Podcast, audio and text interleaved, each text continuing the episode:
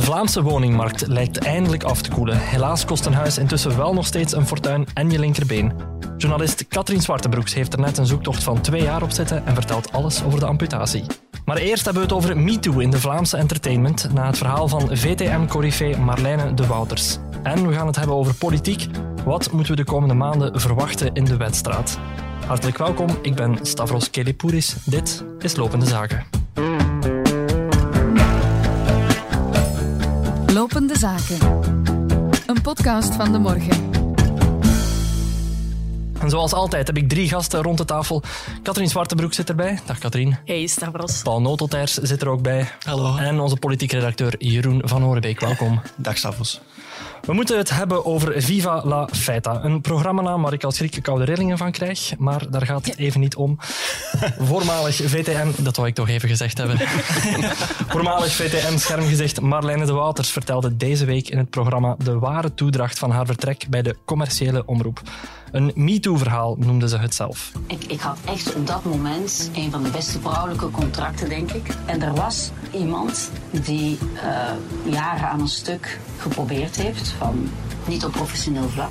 En ik heb daar altijd met heel veel dingen beleefd, maar kordatig afgehaald.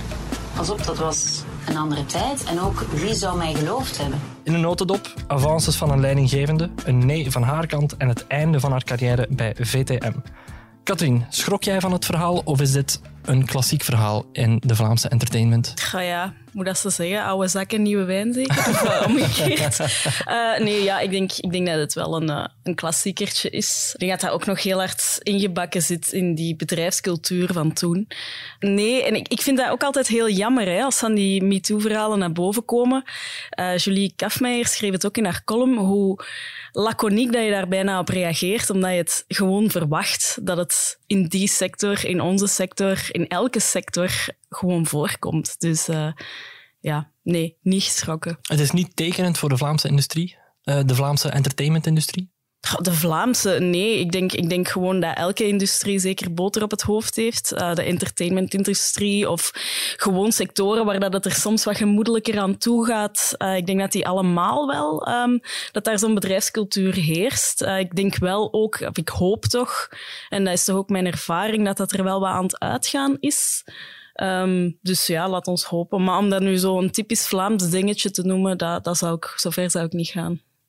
Het is ook niet typisch voor die branche dan? Want je zegt zelf, het is een, het is een wereld waar het er iets gemoedelijker aan toe gaat. Ja, wel, maar hetzelfde gaat denk ik ook voor, uh, ik, top of my head, reclame, uh, sport, um, ja, alle, veel creatieve sectoren. Dus nee, daarom, het is niet ver, verrassend of zo. Maar ik denk dat je zeker als je kijkt naar advocatuur, als je kijkt naar politiek, ik kan mij geen sector voorstellen waar dat dan niet zou voorkomen of zijn, zou zijn voorgekomen. Ik, ik hoop echt, en, en ik wil daar echt mijn hand ook voor in het vuur steken, dat er wel een verandering is in verschillende bedrijfsculturen. Want dat is het ook. Hè. Het is een cultuur die gewoon door een volledig bedrijf in stand wordt gehouden.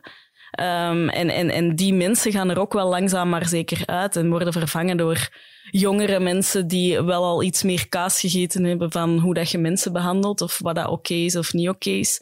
En op die manier kun je ook een cultuur creëren waarin dat niet alleen het slachtoffer dan aangifte moet doen, hè, want dat is heel vaak zo van stuur een mailtje als je aangerand bent of als er ongepaste dingen zijn.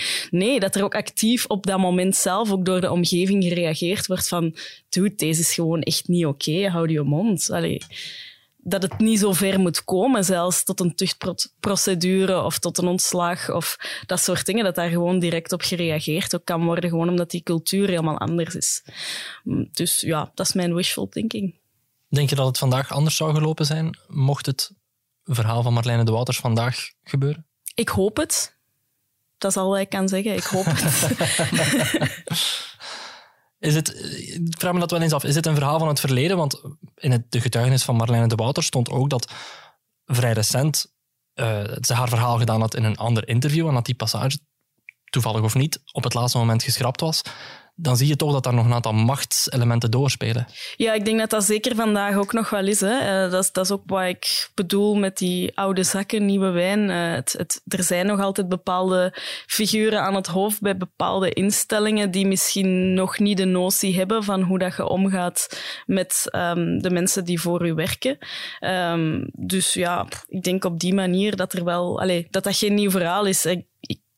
En zoveel vrouwen van mijn leeftijd hebben verhalen van toen dat ze stagiair waren, die eigenlijk bij nader inzien dat je denkt, ach mannen, dat, dat, dat had niet gehoeven of zo. Dus nee, het is, niet, uh, het is niet een oud verhaal, maar ik hoop, ik blijf hopen op die kentering.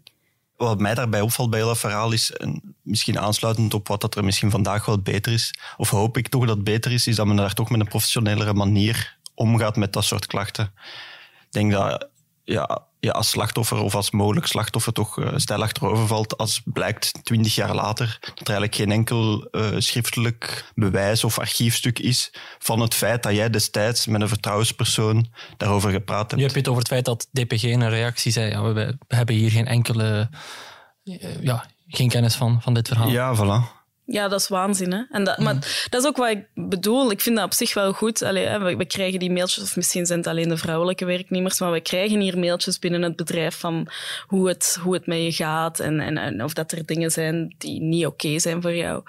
Um, en dat is keigoed, maar ik hoop gewoon dat het verder gaat en dat het zelfs niet zo ver moet komen dat je een mail moet sturen voor zoiets, maar dat het echt gewoon direct in de kiem wordt gesmoord. En dan wordt er ook veel minder uh, hoe dat ze dat dan noemen, tralala rondgemaakt. En oh, het waren maar onschuldige sms'jes als het dan gaat over een Bart de Pauw of zo bijvoorbeeld. Dan wordt het gewoon van in het begin in de kiem gesmoord en gezegd van deze kan niet gasten, stopt, maak niet zo'n opmerking, doe even normaal. En dan hoeft, het niet, dan hoeft de HR er zelfs niet bij betrokken te zijn. Dan is het gewoon bad, direct in de kiem gesmoord. Iedereen op die bedrijfsgrond weet, dit kan niet, dus ga dat ook niet doen. Het is die macht van velen. Het is, als ik mij MeToo en dat soort dingen ook voorstel en hoe dat, dat was toen dat ik stagiair was, dan wordt er zo'n opmerking gemaakt en dan staat iedereen er rond zo maar wat te lachen en, en, en te doen, terwijl dat nu denk ik wel niet.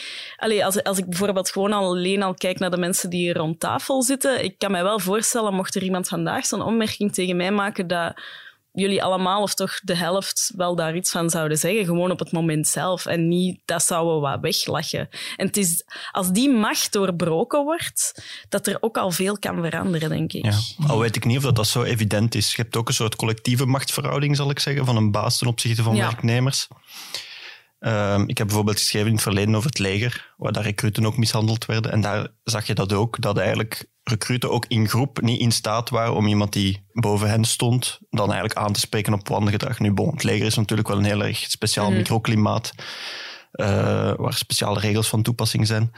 Ik weet niet of dat zo evident is dat er echt zo... Je zit altijd denken met die machtsverhouding, waarbij het toch altijd moeilijk blijft om daar echt iemand die uiteindelijk niet alleen voor X, Y, maar ook voor Z en al wat daarnaast is.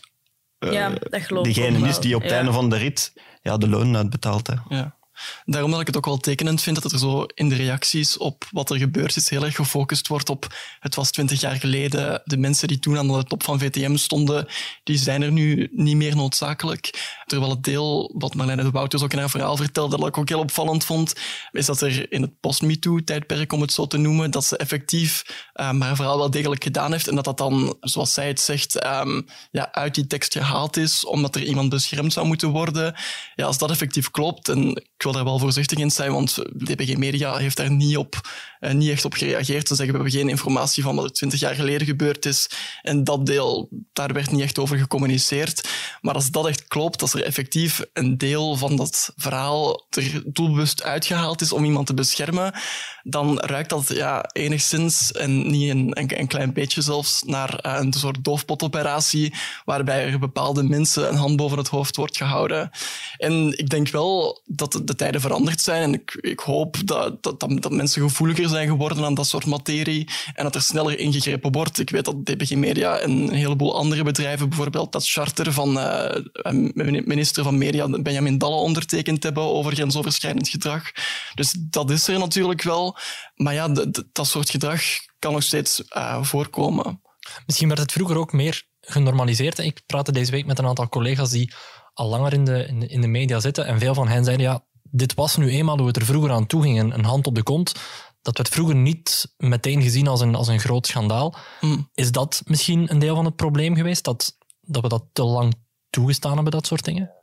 Ja, misschien wel. En ik denk dat het er ook over gaat hoe we met bepaalde uh, erfzondes omgaan of zo. Dingen die we overgeleverd hebben gekregen uit het verleden. Ik kan me voorstellen dat de top van DPG Media misschien nu denkt van, goh ja, die verhalen van uh, Marlijne de Wouters, dat is al twintig jaar geleden. De mensen die, die daar toen voor verantwoordelijk waren, die werken hier misschien nu niet meer. Maar ik vind het juist belangrijk om daar wel over te hebben. Omdat als het doodgezwegen wordt en we hebben het er niet over, dan, dan gaan we in fout, denk ik. En dan kan er ook niet uit geleerd worden naar de toekomst toe. En ik denk niet dat het heel moeilijk is om daarin parallellen te zien met het verhaal van uh, Jacques Smeets, de directeur-uitgever van DPG Media, die, die, tot 2016 hier gewerkt heeft um, en die destijds vertrokken is. Ja, ontslagen bleek dan later, maar uh, waar oorspronkelijk een soort van mededeling gedaan werd van kijk, de man gaat het wat rustiger aan doen. En dan bleek al die jaren later, bracht die Nederlandse media-podcast dan uit van ja, kijk, het ging eigenlijk over grensoverschrijdend gedrag dat is niet op die manier naar buiten gekomen. Maar en daar kunnen we denk ik ook wel aan zelfkritiek doen. Ik sprak met een aantal uh, mensen die hier al langer werken dan ik zelf. En die vertelden mij dat dat op dat moment, toen dat ontslag er kwam, dat er wel degelijk geweten was. Misschien niet de schade daarvan, maar er was wel geweten dat die man dingen gedaan had die niet konden op vlak van grensoverschrijdend gedrag en machtsmisbruik. En de vraag waarom er dan niet over geschreven is, hoewel het natuurlijk andere tijden waren, vind ik wel ja, pertinent. Er is natuurlijk op dat moment wel gehandeld. Is het dan, die vraag stel ik me wel eens, is het nuttig om op dat moment, wanneer die persoon dan effectief voor die feiten ontslagen wordt, voor dan ook zijn naam op die manier naar buiten te brengen? Heeft dat een nut? Ik, denk dat er, ik denk dat het ervan afhangt. Um, ik denk dat het om iemand gaat die in een publieke functie zit, die sowieso een bepaalde invloed geniet. Um, is hoofdredacteur geweest van het laatste nieuws. Dus hij was een, een, bekend figuur uh, tot op zekere hoogte. Dus dat speelt mee. En wat in dat soort zaken voor mij persoonlijk ook altijd van belang is, is stel je voor dat die, dat die man iets doet dat niet kan. Er wordt een onderzoek gedaan en meteen wordt er adequaat gereageerd en die man wordt aan de deur gezet dan vind ik het altijd twijfelachtig van ja, moet daar op die manier over gecommuniceerd worden? Daar zijn argumenten voor of tegen. Maar uh, wat er gebeurd is, is dat die, man is een aantal jaar voor zijn ontslag um, al op de vingers getikt. Um, DPG Media heeft daarover gezegd van ja, het was niet van die aard dat er effectief een ontslag zou moeten volgen op dat moment. Maar als het, als het zou kloppen dat er toch bepaalde dingen genegeerd zijn of door de vingers gezien zijn, ja, dan is het een fout van, van, vanuit het bedrijf ik ken het dossier te weinig, maar heeft dat niet vooral te maken met het feit dat de slachtoffers het uiteindelijk zelf niet wilden dat, dat hij uh, daarop aangesproken werd publiek op zijn gedrag? Dat vind ik dan ook wel een moeilijke. Als je als slachtoffer zelf aangeeft van we hebben het liever niet, ja, oké, als bedrijf. Misschien moet je dan wel de ronkende uh, afscheidsbrief ook wel zo laten. Ja. Dat is dan misschien wel ja. Uh, ja. ja. hetgeen wat je, de stap die je dan ook niet moet zetten en gewoon een soort uh, heel erg droge mededeling doen dat, dat de wegen scheiden. ik zag wel dat nieuwsmedium Apache um, een onderzoek had gedaan en zij schreven dat er twee van die mensen die een klacht tegen hem hadden ingediend binnen het bedrijf, dat zij er geen vragende partij waren voor geweest om die dingen niet naar buiten te brengen. Allee, zij hadden alleszins niet gevraagd om het daar niet over te hebben. Ja, maar ik denk dat dat ook te maken heeft met wat Jeroen ook aanhaalde en jij ook, Paul. Die, die machtsverhoudingen, dat is gewoon een hele moeilijke. Als je gewoon ervoor kunt zorgen dat die persoon buitengebonjourd wordt, omdat hem echt uh, grensoverschrijdend gedrag heeft gesteld, maar dat dat voor de rest, ja, dat je naam daar niet aan verbonden is, dat is, dat denk ik wel een voordeel. Allee, het, is, het, is, moet ongelooflijk moeilijk zijn om, om aanklacht neer te leggen over uw oversten eigenlijk. Ik, allee, ja, ik zeg het, hè, ik heb het ook nooit gedaan over mensen die leiding gaven. Over mij heb ik ook nooit gezegd van deze is niet oké. terwijl dan een collega mij wel ook al een aantal dingen zei dat ik zei van oké, dat is niet oké. En die heb ik daar ook gewoon op kunnen aanspreken, omdat dat mijn gelijke was tussen aan, aanhalingstekens. Dus ja. Mm dat, uh, ja, dat speelt zeker mee. Het zijn misschien appelen en peren, maar we hebben deze week geschreven over het feit dat eigenlijk vrouwen op de arbeidsmarkt een zwangerschap bijvoorbeeld eigenlijk levenslang met zich meedragen qua positie op de arbeidsmarkt. Ja, de stempel die je met je meedraagt als je in zo'n dossier genoemd wordt, ja, dat is maal tien, denk ik. Ja, ja, sowieso. Dus, ja. En daarom vind ik het ook zo pijnlijk dat er toen ze twintig jaar geleden haar verhaal deed, dat ze daar eigenlijk voor afgestraft is. En dat ze toen ze het een aantal jaar geleden opnieuw probeerde om dat verhaal te vertellen in de media, als dat effectief klopt, dat die dingen uit dat artikel gehaald zijn, dan is eigenlijk hetzelfde opnieuw gebeurd, maar op een andere manier. Dan is ze opnieuw afgestraft voor het feit dat ze al die jaren later alsnog ja, wilde vertellen wat er overkomen was. Ja, dat is waanzin. als dat klopt, dan is dat echt waanzin. Dat is... Gelukkig was er Viva la Feta. ja, dat is waar. Een vreselijke naam. Ik wou het nog een keer gezegd hebben.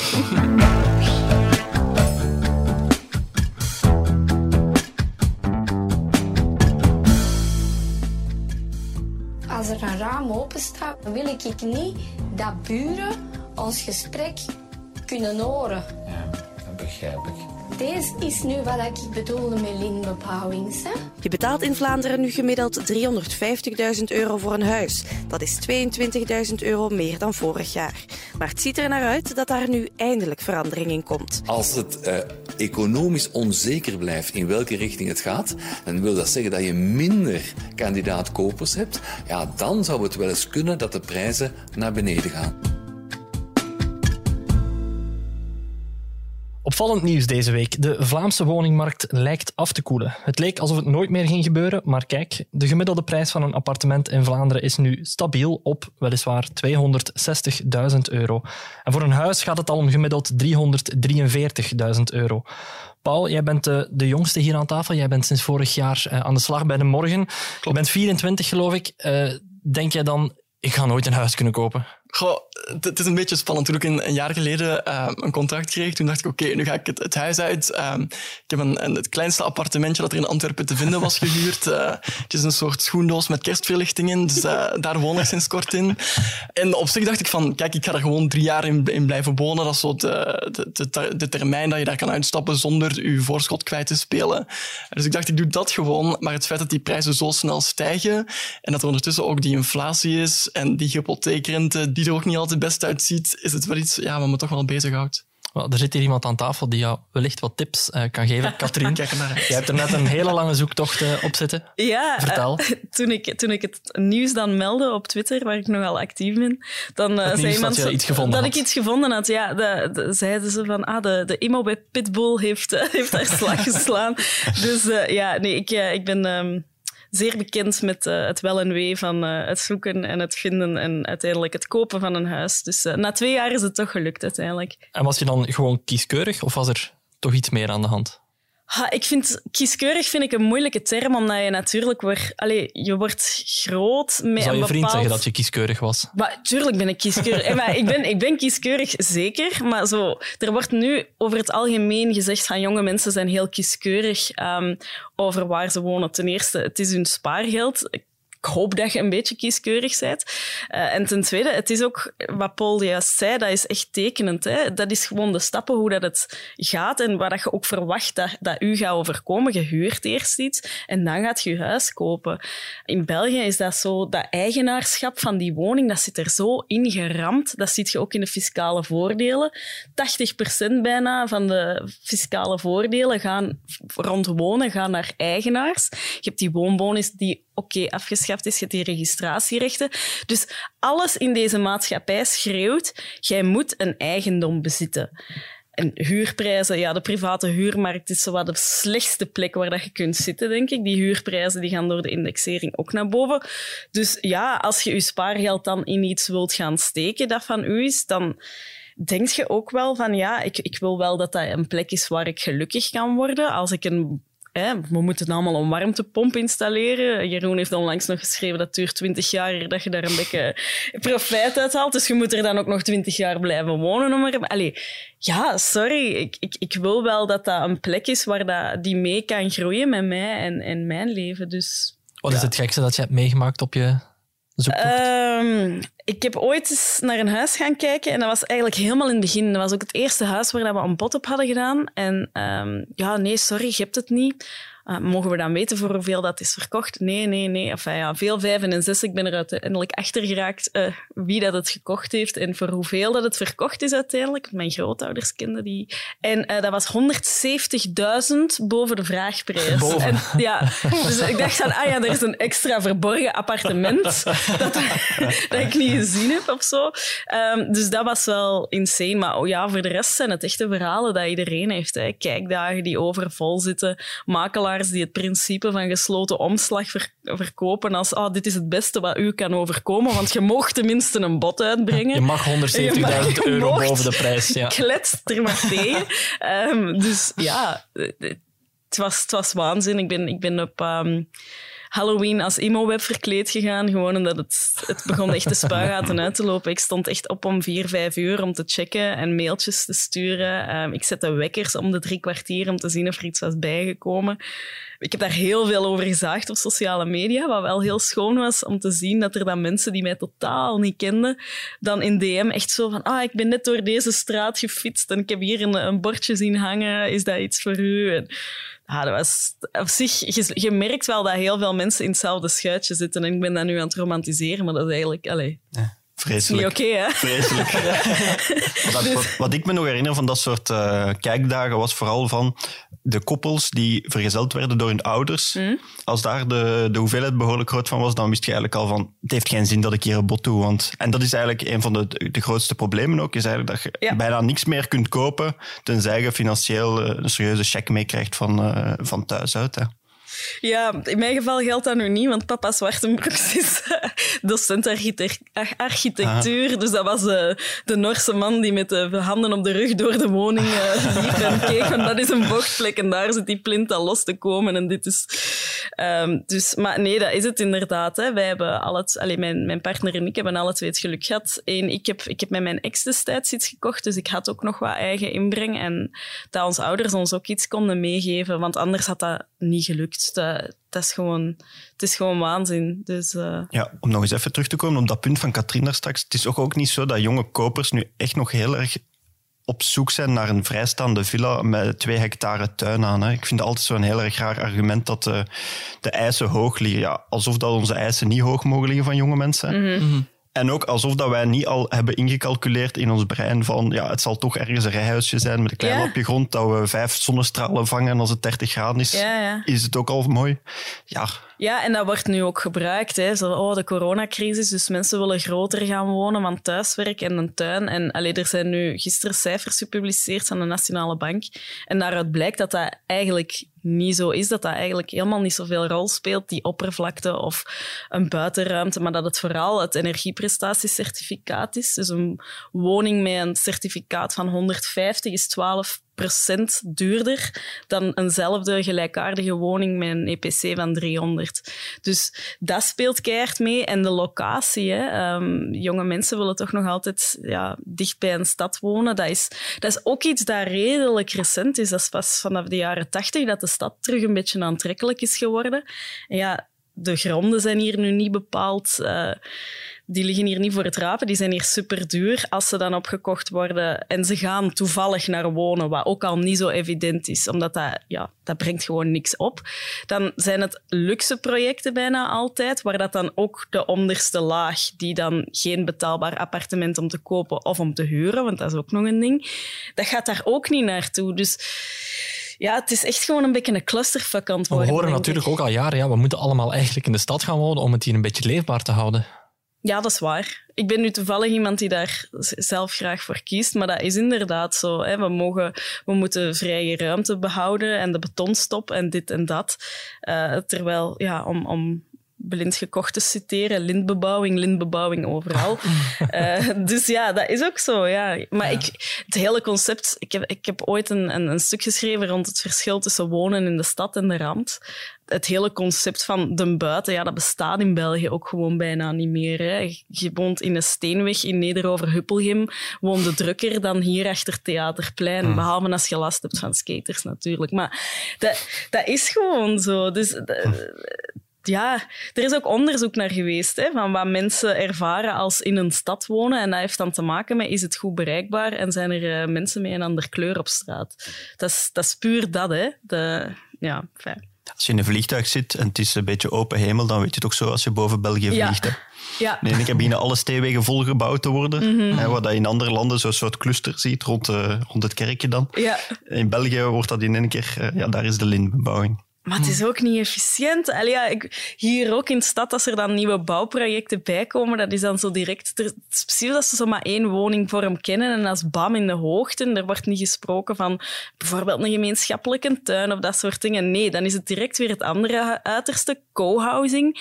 Dat wordt dan als de oplossing gezien, terwijl dat je ook perfect rond een bepaald, ja, weet ik veel, een algemene binnentuin kunt bouwen en dat mensen toch nog een beetje die leefbaarheid hebben.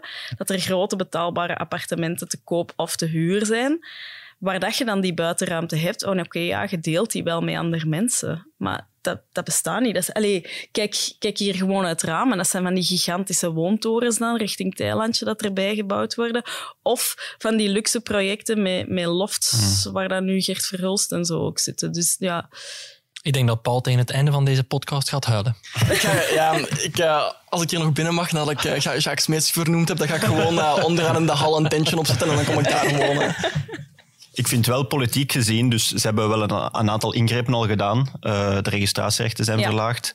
Maar ze moeten echt wel eens heel dringend werk maken van die tweede woningen. Het feit dat daar nog fiscale bonussen voor zijn, dat is echt out of this Ja. uh, world. Ja. Dat is toch bijna waanzinnig. Je je hoeft toch eh, dat kapitaal eh, niet op je nachtkastje te hebben liggen om te vinden dat die subsidiëring van eh, tweede woningen, dat dat eigenlijk iets is dat moeilijk te verantwoorden Nee, is. het gaat nu niet over enorme bedragen. Ik heb het dus opgezocht, het gaat over 100 miljoen euro per jaar. En dus voor, maar goed, ja, ik heb, eh, ik heb het eens even opgezocht. Dus 71% van het vastgoed in ons land is in handen van de 10% meest eh, vermogende. Dat Dus dat toont aan van hoe dat eigenlijk die verdeling eigenlijk totaal scheef getrokken is. Ja, met 100 miljoen euro kan je ook al een boel sociale woningen eh, gaan zetten eh, per jaar. Of, of, of sociaal wonen subsidiëren. Ja, tuurlijk. En enfin, ja, eh, we zijn nu heel erg veel bezig over kerntaken van de overheid. Hè. Eh, corona heeft dat debat op scherp gezet.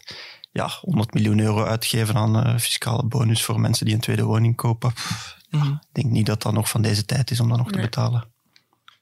In Nederland is er al langer een, een, een grote wooncrisis en staat die ook bovenaan de politieke agenda. Bij ons ja, is dat minder het geval. Hoe komt dat? Is dat omdat het probleem hier niet zo groot is? Ik denk dat dat in opkomst is, ook wel in ons land, dat dat wel stilaan de, de ladder van de politiek beklimt, zal ik zeggen. In Nederland zit je met een situatie die echt nog een stuk erger is dan bij ons. Dat zijn echt de, de grootsteden, die zijn onbetaalbaar geworden.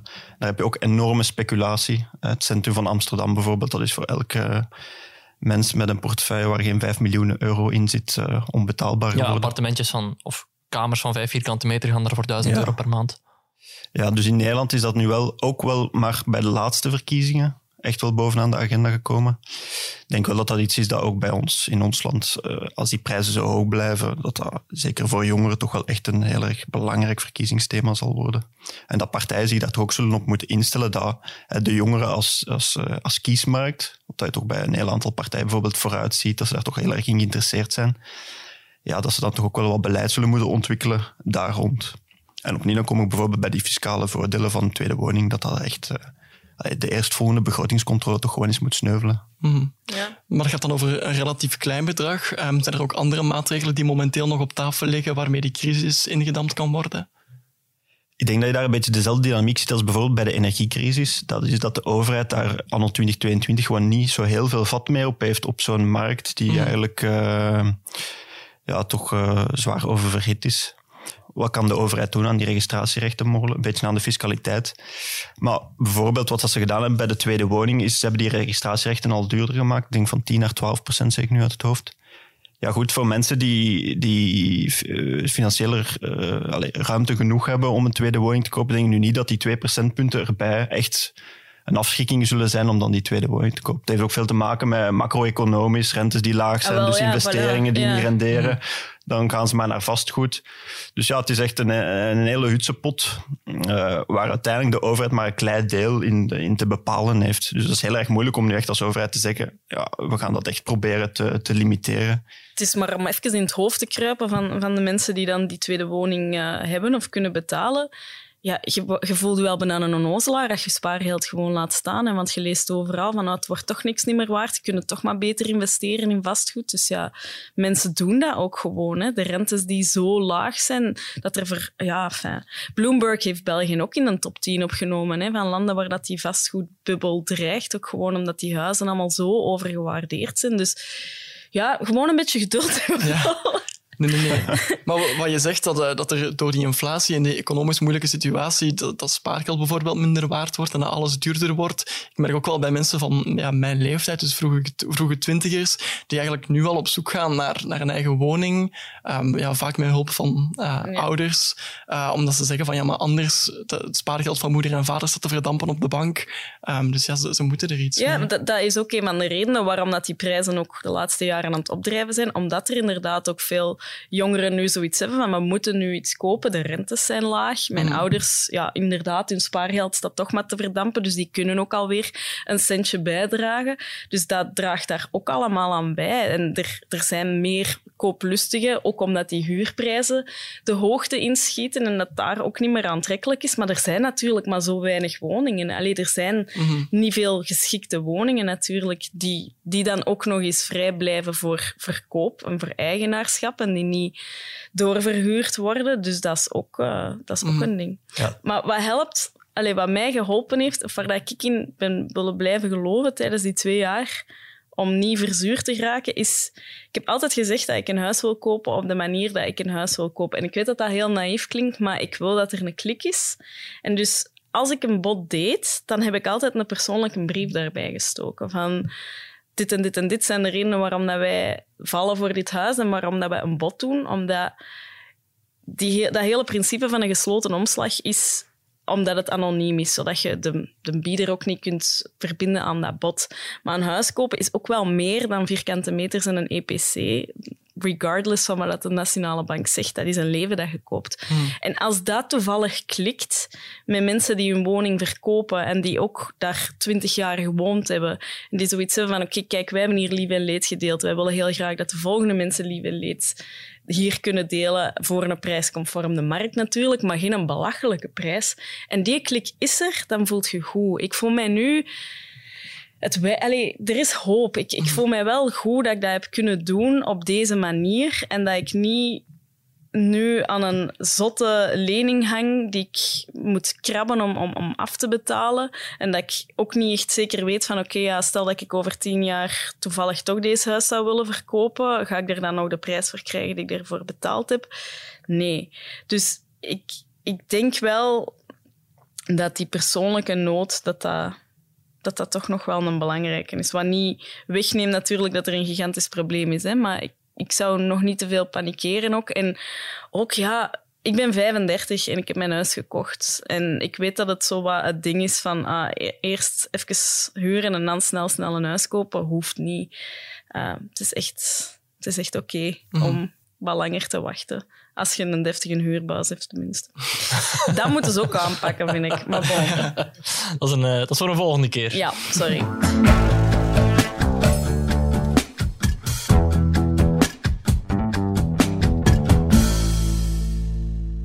We sluiten af met een streepje politiek. Het paasreces zit er zo goed als op. Dat wil zeggen dat ook de wedstraat weer in gang zal schieten. Jeroen van Orenbeek, wat mogen we verwachten de komende weken? Eh Stavros, meer van hetzelfde zou ik zeggen. En is dat goed of slecht? Een beetje tussenin. Ja, Ik denk, de, de, de vaststelling die je nu moet maken is, de, de regering de Krooi is eigenlijk ongeveer half weg.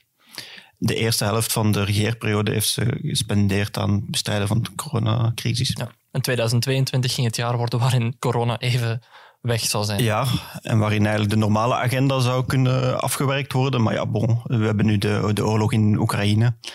En het heeft dus alle schijn van dat eigenlijk de tweede helft van de legislatuur op zal gaan aan de oorlog in Oekraïne en alles wat daaruit voortvloeit. Dus eh, inflatie, eh bedreigde koopkracht, energiecrisis. Dus eh, ja, de regering zal zich vooral daarmee moeten bezighouden. En dat betekent dus dat eigenlijk het, het project van Vivaldi, waar ze mee gestart zijn, hè, dus eigenlijk een soort eh, België opnieuw op de rails zetten, richting 2030 was dan het idee. Ja, dat eigenlijk in de schuif blijft liggen en dat er op dat vlak qua echt grondige hervormingen eigenlijk, dat we eigenlijk niet zo heel veel mogen verwachten, denk ik, de komende maanden, nog jaren. Want eh, schets het even voor ons, hoe lang nog voor de verkiezingen? Die zijn in de zomer van 2024. Ja, correct. Dus dat is, een, dat is een dikke twee jaar. Dat is wel nog tijd om een en ander uit te voeren, toch? Ja, absoluut. Ehm, maar goed, die- zoals het er nu voor staat, is die oorlog in Oekraïne ook nog lang niet eh, ten einde. Ja, je zit daar een beetje met een soort kip of het ei discussie. Dus zorgt die crisis, de coronacrisis en nu Oekraïne ervoor dat je eigenlijk geen diepgaande hervormingen kan doorvoeren met deze regering. Daar is zeker wel iets van aan. Je hebt het samen met mij van op de eerste lijn gevolgd. Ja, bijvoorbeeld die coronacrisis uh, sloopte heel erg veel politieke energie en tijd gewoon op. Hè. Uh, we hebben in november drie of vier overlegcomité's op drie Ja. of vier weken gehad. Ja, goed, dus politici zijn dan ook gewoon echt bezig met andere zaken. Anderzijds kan je niet rond de vaststelling heen dat ja, de, de samenhang binnen die coalitie om diepgaande hervormingen door te voeren eigenlijk ook gewoon te, te klein is. Dat er te veel partijen, of partijvoorzitters misschien beter, niet echt in hun hoofd zitten met van die regering een succes te maken. Maar vooral bezig zijn met ja, wat komt er bij die volgende verkiezingen voor mij. En dus dat maakt dat je eigenlijk eh, met een soort cocktail zit waar, ja, waar middelmatigheid stilaan het hoogst haalbare lijkt. Toch als het gaat over echt het idee van België eh, terug op de sporen te zetten. Zucht. Alleen maar goed nieuws vandaag in deze podcast.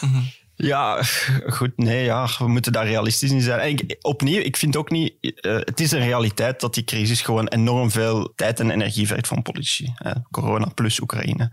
En het is ook een realiteit dat nu, dat zie je bij de, Franse, de eerste stemronde van de Franse verkiezingen, dat mensen bezig zijn met koopkracht. En dat de regering daar dus ook moet mee bezig zijn met die energie, met die, met die torenhoge facturen, met eh, een manier om het leven betaalbaar te houden voor mensen. En dat dan ja, bijvoorbeeld zaken waar we nu toch ondertussen al 10, 15 jaar over spreken, pensioenhervorming, eh, fiscale renovatie van ons land, ja, dat dat aanmoddert. En dat we daar eigenlijk niet zo heel veel van mogen verwachten. Dus dat waren twee werven waarvan deze regering wel had gezegd, we gaan die aanpakken, we gaan die vol aanpakken. Die pensioendiscussie, vooral rond de zware beroepen, sleept al heel lang aan. Dat moet er nu eindelijk eens van komen, maar daar hebben we nog niet veel van gezien. Ja, dat zou voor de komende maanden moeten zijn. Maar ja, eh, de situatie is daar wat ze is, zijnde dat eh, de PS-minister die dat dossier in handen heeft, heeft Karine Lalieu, daar voorstellen heeft gedaan waar eigenlijk eh, de helft van de coalitie het niet mee akkoord is. Dus vooral de liberalen dan. En dat geen van beide kampen eigenlijk echt heel erg veel weinig bereidheid lijkt om echt een, een compromis te vinden. Dus dat wordt heel erg moeilijk om daar echt een, een hervorming die toch al on- ondertussen, zoals ik zei, waar we al 10, 15 jaar op wachten, om die door te voeren. Hetzelfde met de fiscale eh, dossiers. Ook daar eh, ja, is iedereen het over eens dat eigenlijk ons land uh, is tot één koterij, om nu even terug naar het vastgoed te gaan. En dat dat eens een grondige uitkuis moet gebeuren. Maar ook daar, het hoogst haalbare lijkt eigenlijk het plan van minister Vincent van Petegem om toch al een soort blauwdruk te creëren voor een fiscale hervorming, een toekomstige fiscale hervorming eigenlijk. Maar dat dat dan deze regeerperiode bij een soort academische oefening zal blijven, waar dan op het einde van de rit het dik rapport klaar ligt met hoe het zou kunnen. Uh, en de zou is belangrijk. Want ja, politiek is natuurlijk uh, de kans dat de volgende regering het project van Vivaldi doorzet. En het met alles in, wat in dat rapport zal staan eens is, ja, die is behoorlijk klein. Dus dan is het maar de vraag wat daarmee zal gebeuren. Ja, want voor de pensioenen hebben we ook al lang... Dat ah ja, Frank van den Broeken heeft die uitgetekend toen uh, Alexander de Croo minister van Pensioenen was. En uh, ja, de volgende regering heeft daar niets mee gedaan, want het was een centrumrechtse regering die het niet eens was met de manier waarop uh, de regering die Rupo dat dan invulde. Ja, en nu zit Frank van den Broeke in de regering met de Croo als premier en gebeurt het ook niet. Nee, ja, we trappelen, nog, we trappelen eigenlijk nog altijd ter, ter plaatse, ja. Er is een tijdje geleden wel een politieke peiling geweest die niet zo uh, denderend was voor bepaalde regeringspartijen. Klopt. Ik vraag me dan af, um, zet ze dat aan om uh, beter samen te werken en om compromissen te sluiten? of wordt dan het moeilijker dan omdat partijen zich willen profileren op bepaalde thema's? Niet lachen, Stouwels.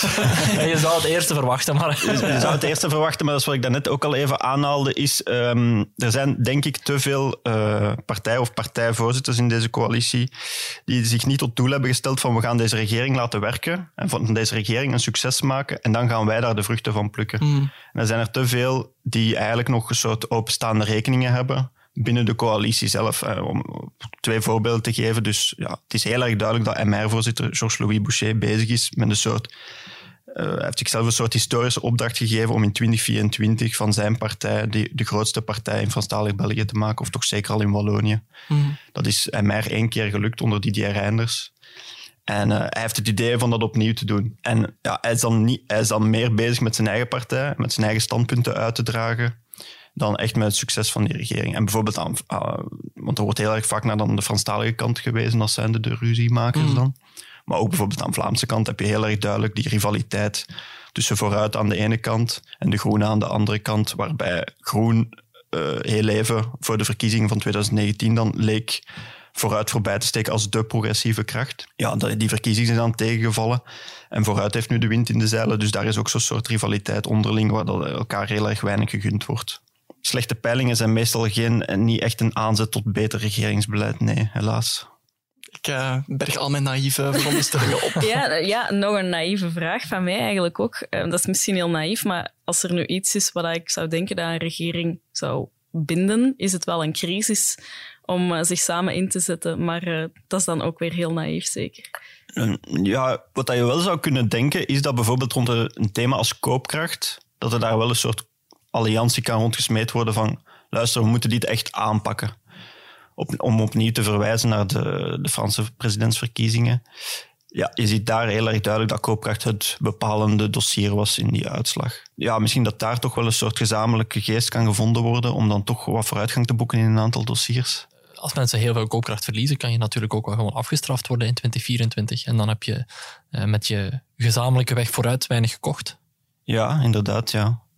Ik denk dat dat de nachtmerrie is van iemand zoals bijvoorbeeld PS-voorzitter Paul Magnet, die ook uh, ziet uh, hoe dat in Frankrijk eigenlijk de, de vierde Parti Socialist totaal van de kaart geveegd wordt. Dus de, de kandidaat van de PS in Frankrijk, Anne Hidalgo, toch de, de burgemeester van Parijs, hè? toch niet de kleinste stad, mm.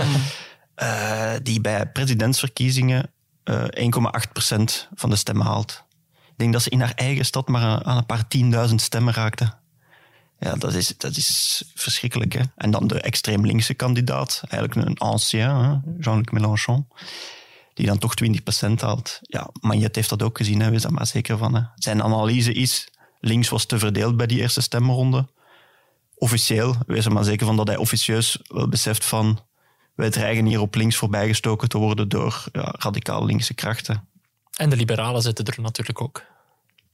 Hoe bedoel je? Ja, je kan voorbijgestoken worden door en de liberalen en de communisten. Ja, ja. Met die verstande dat uh, ook de liberale uitslag in Frankrijk verschrikkelijk slecht was. Dus de vaststelling is eigenlijk dat die, in Frankrijk die traditionele partijen totaal weg zijn. Dat dat is overgenomen door, uh, door nieuwe partijen. De, her, de, de fameuze herverkaveling van het politieke landschap. Ja, in Frankrijk is die quasi totaal. In België is dat nog een beetje uh, half en half, zou ik zeggen. Waar dat in Vlaanderen wel al langer die tendens is. Waar dat CD&V, de historische bestuurspartij, wel al ja, sinds begin van de eeuw eigenlijk van zijn pluimen laat. Maar in Franstalig België is dat toch nog altijd uh, de traditionele partij. Je zou ook kunnen denken uh, wat, het, wat het in Franstalig België zou geven als je op extreem rechts eindelijk eens iemand krijgt met enigszins talent en vijf hersencellen in zijn hoofd. Wat dat die zou kunnen mobiliseren, dat is wel een angstaanjagende gedachte. Nu in Franstalig België is er eigenlijk geen extreemrechtse kracht. En alles wat daar wordt opgezet is behoorlijk marginaal, om het nu vriendelijker te zeggen dan daarnet. Uh, ja, als je dan naar die uitslag in Frankrijk kijkt, is het toch uh, angstaanjagend, zou ik het zeggen. Maakt dat dan uh, PS-voorzitter Paul Magnet zo nerveus dat ook Vivaldi erdoor gehypothekeerd wordt? Magnet is al langer nerveus. Hij weet natuurlijk al, ook van 2019 al, dat die PTB van Raoul Ledenbouw, dat hij daar op zijn linkerkant zit. En dat hij klaar zit om hem te bestoken als regeringspartij. Ik denk dat dat er alleen maar erger op zal worden. En om helemaal terug bij het begin van dit segmentje te komen, dat we realistisch moeten zijn over wat deze regering nog zal kunnen verwezenlijken de komende jaren. Niet veel bedoel je dan? Maar die, die crisis eh, bestieren is, al, is sowieso al een uitdaging. Hè? Maar dus dat hervormingsproject, ja, daar verwacht ik niet veel van. Nee. Oké, van deze vrolijke noot gaan we eruit. We gaan een krant maken. Paul, Katrien, Jeroen, hartelijk dank. En ook hartelijk dank aan de luisteraar. Krijg je geen genoeg van ons, dan kan je ons dat laten weten op podcasts.demorgen.be. Wij zijn er volgende week opnieuw. Tot dan, dit was Lopende Zaken.